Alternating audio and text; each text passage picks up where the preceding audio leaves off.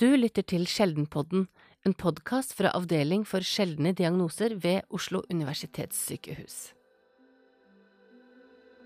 Eh, Jeg var jo en aktiv håndballspiller den gangen òg, så man tenkte jo kanskje ikke så mye over årsaken til hvorfor man blødde, men at man trente mye og kanskje ofte litt i nærkamp på håndballbanen gjorde at man kanskje fikk en støyt i nesa og begynte å blø oftere enn andre, da. På det meste så har vel jeg blødd rundt 2,5 dl, altså et stort melkeglass.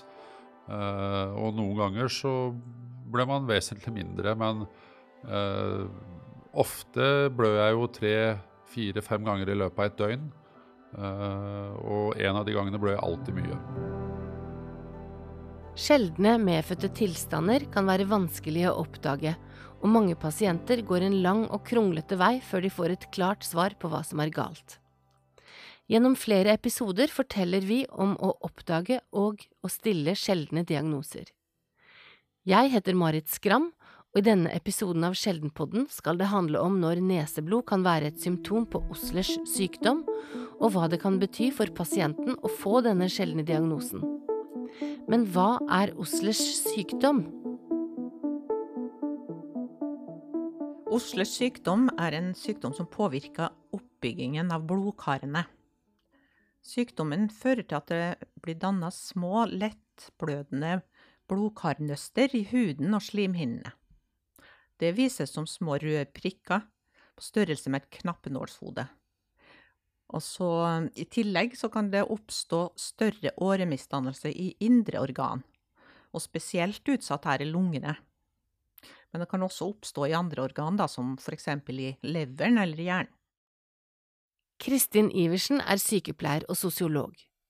Hun jobber som rådgiver ved Senter for sjeldne diagnoser og har jobbet med Oslers sykdom siden 2006.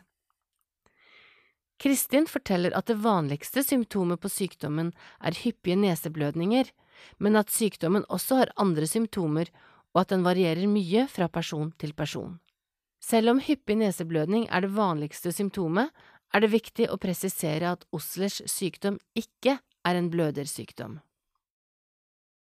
Sykdommen kalles også for hereditær hemorragisk telangiektasi. Eh, hereditær står for arvelig, ja. Hemorragisk det som har med blødninger eller blod å gjøre. Og telangiektasi er disse små blodkarnøstene. Dette for, blir for, gjerne forkorta til HHT. Og det er jo et eh, beskrivende navn, kan vi si. Morbus osler er også en betegnelse som blir brukt av noen, der ordet morbus er latin og betyr sykdom. Årsaken til Oslers sykdom er en arvelig genfeil. I dette tilfellet her så er det et uh, feil i et av genene som har oppskriften på oppbyggingen av blodårene. Og når det er feil i oppskriften, så blir ikke resultatet alltid så bra heller. Som her ved at enkelte blodårer blir dannet annerledes enn det de skal. Denne genfeilen er det vi kaller for dominant arvelig. Det vil si at hvert av barna til en som har sykdommen, har 50 risiko for å arve den.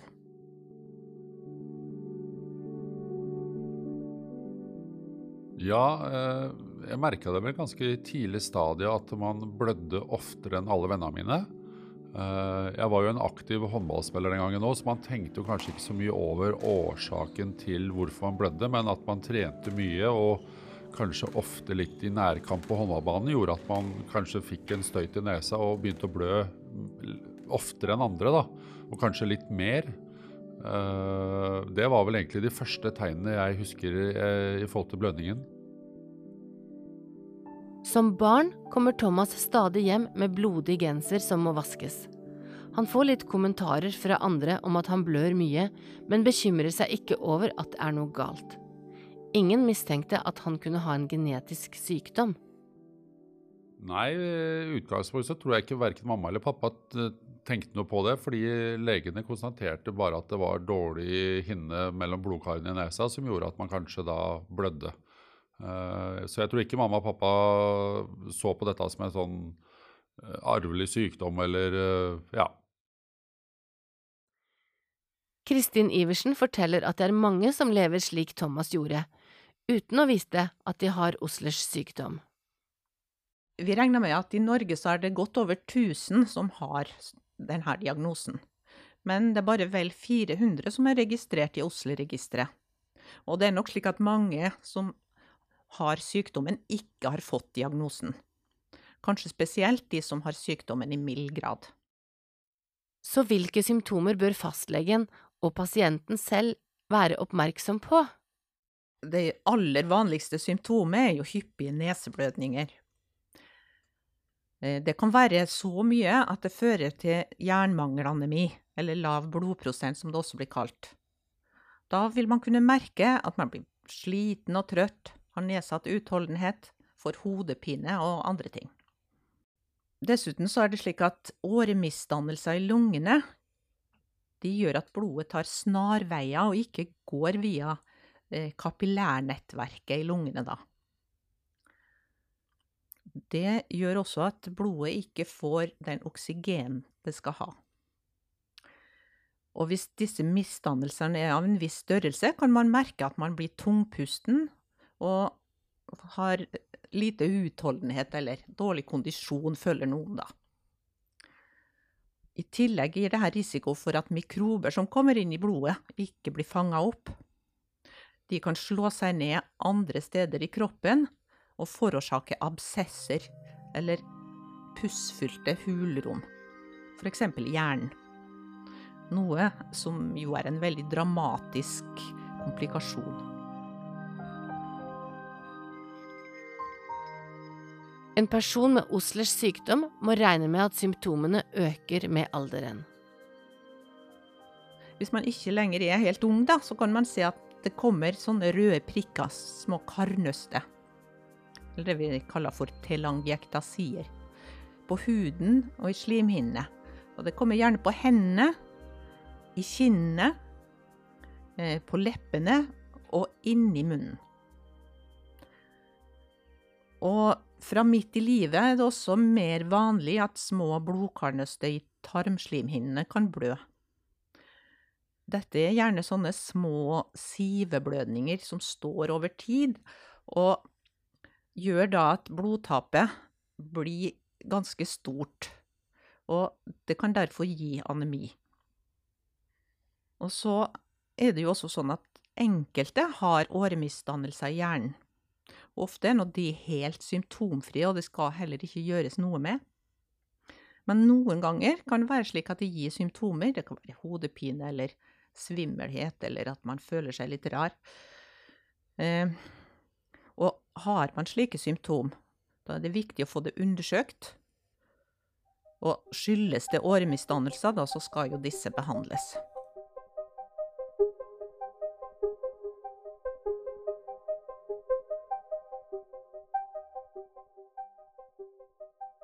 Det er ingen som mistenker at Thomas kan ha denne sjeldne sykdommen, selv om han blør mye neseblod.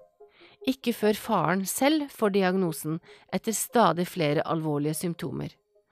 Da er Thomas selv voksen og etablert med familie. Oi, jeg husker at jeg kjørte bil, og min far eh, ringte meg og sa at du Thomas, jeg tror du skal sjekke deg fordi det, vi har fått påvist en eh, en uh, sjelden eh, diagnose, altså morbus osler. Uh, og blei vel sittende litt som et sånt spørsmålstegn i bilen og, og, kjøre samtidig. Og så sier pappa det er jo ikke noe farlig, men uh, vi kan ta og prate om det litt nærmere. Men ta kontakt med denne her personen på SSD, sier han til meg, og så, ja, så la han på. Og da ville han at jeg skulle ned og genteste meg, da. Thomas bruker noen uker på å bestemme seg for om han vil ta gentesten og velger å ta den. Svaret som kommer, viser positiv test og bekrefter at symptomene han allerede har, stemmer med diagnosen. Thomas har Oslers sykdom.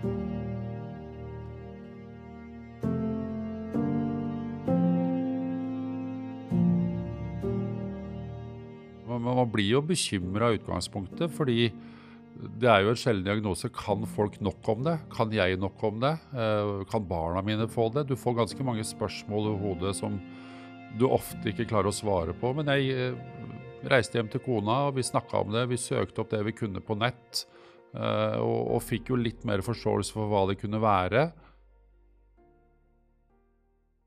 Etter at diagnosen er stilt, er det veldig viktig at man får undersøkt lungene for å sjekke om det er sånne åremalformasjoner der. Dette kan du gjøre med en CT-undersøkelse eller en spesiell ultralydundersøkelse. Og det kan jo også bli aktuelt å, å, gjøre andre undersøkelser, men det vil være ut fra de symptomer den enkelte har, da. Når jeg ble kalt inn på Rikshospitalet til behandling, så tenkte jeg at ok, hva er det jeg skal begi meg ut på? Jeg var nervøs, hadde vondt i maven. Lurte på hva som skulle skje. Eh, hvor farlig er det? Skal jeg i narkose? Det var ganske mange spørsmål som dukka opp i hodet. Eh, og følte at eh, når jeg gikk ut derifra etter første laserbehandling, spesielt i nese, siden jeg blør mye neseblod, så tenkte jeg at ok, er det ikke verre enn dette, så går det bra. Dette skal vi klare å overleve. Kristin forteller at det er flere behandlingsmetoder for neseblødningene. Forskjellige typer laser er det som brukes oftest. Det finnes også noen medikamenter som kan brukes både til lokal behandling og systemisk. I tillegg er det en del andre metoder, bl.a. noen mer inngripende kirurgiske metoder. Å få behandling hos en øre-nese-hals-lege som har erfaring med diagnosen, det er særdeles viktig. Det er for å få den best tilpassa eh, behandlingsmetoden for hver enkelt, og for at, at man skal unngå eh, at det oppstår unødige skader. Pasienter med HHT skal jo gjennom mange behandlinger for neseblødning, og på lang sikt kan det gi skader i neseslimhinnen og i neseskilleveggen. Thomas blør neseblod flere ganger hver dag. Det, det, varierer jo veldig ofte, men noen ganger kan det stoppe veldig fort. Noen ganger kan det blø veldig mye. På det meste så har vel jeg blødd rundt 2,5 dl, altså et stort melkeglass. Uh, og noen ganger så ble man vesentlig mindre, men uh, ofte blør jeg jo tre, fire, fem ganger i løpet av et døgn. Uh, og en av de gangene blør jeg alltid mye. Videre er det vanlig at man trenger jerntilførsel fordi neseblødningene over tid gir jernmangelanemi. Og jerntabletter er det som er mest vanlig. Men det er ikke alltid tilstrekkelig, da, hvis man har svært lav hemoglobin eller jernlagre. Da kan det bli nødvendig med intravenøs jerninjeksjon. Og i tillegg så vil jo en del av pasientene oppleve å måtte trenge blodtransfusjon også. Dersom man har årmalformasjoner av en viss størrelse i lungene, skal disse behandles. Det gjøres ved at man tetter dem igjen, f.eks. med det vi kaller for en coil, som er eh, spiralforma metalltråder eller spesielle plugger som blir brukt til dette her. Og denne behandlinga den gjøres på røntgenavdelinga på Rikshospitalet. Det er også viktig at pasientene forebygger mest mulig selv. Spesielt viktig er det å holde neseslimhinnen fuktig og myk. Og her kan man bruke oljespray, vaselin eller eh, ovesterinkrem. Og det kan også være lurt å ha en luftfukter, da tørr luft det øker faren for neseblødning ganske mye. Eh, I tillegg kan vi vel si at det er lurt å ha et kosthold som er rikt på jern.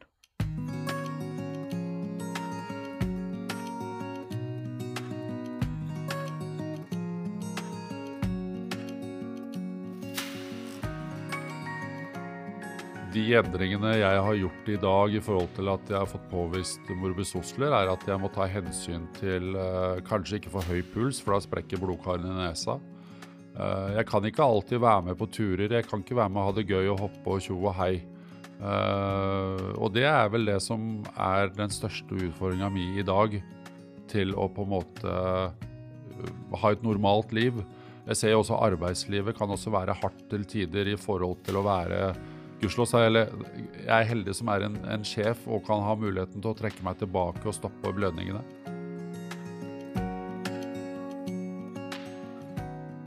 I denne serien av Sjeldenpodden ser vi nærmere på det å oppdage og stille en sjelden diagnose, og du har i denne episoden hørt om Oslers sykdom og hvor viktig det er for pasienten å få riktig diagnose og behandling. Thomas har særlig ett råd til andre med diagnosen i møte med helsevesenet.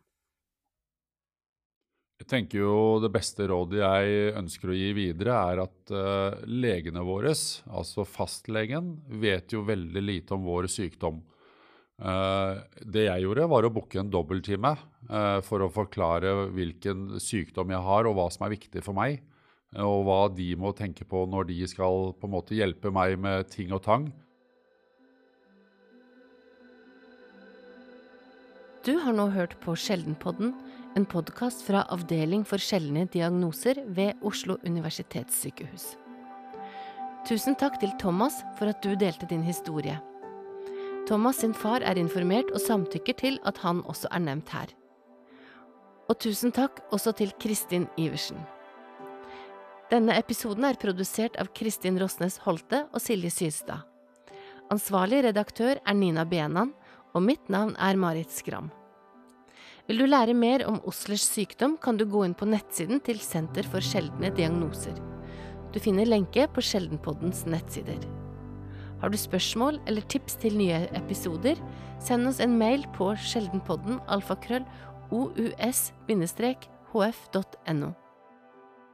Vi høres.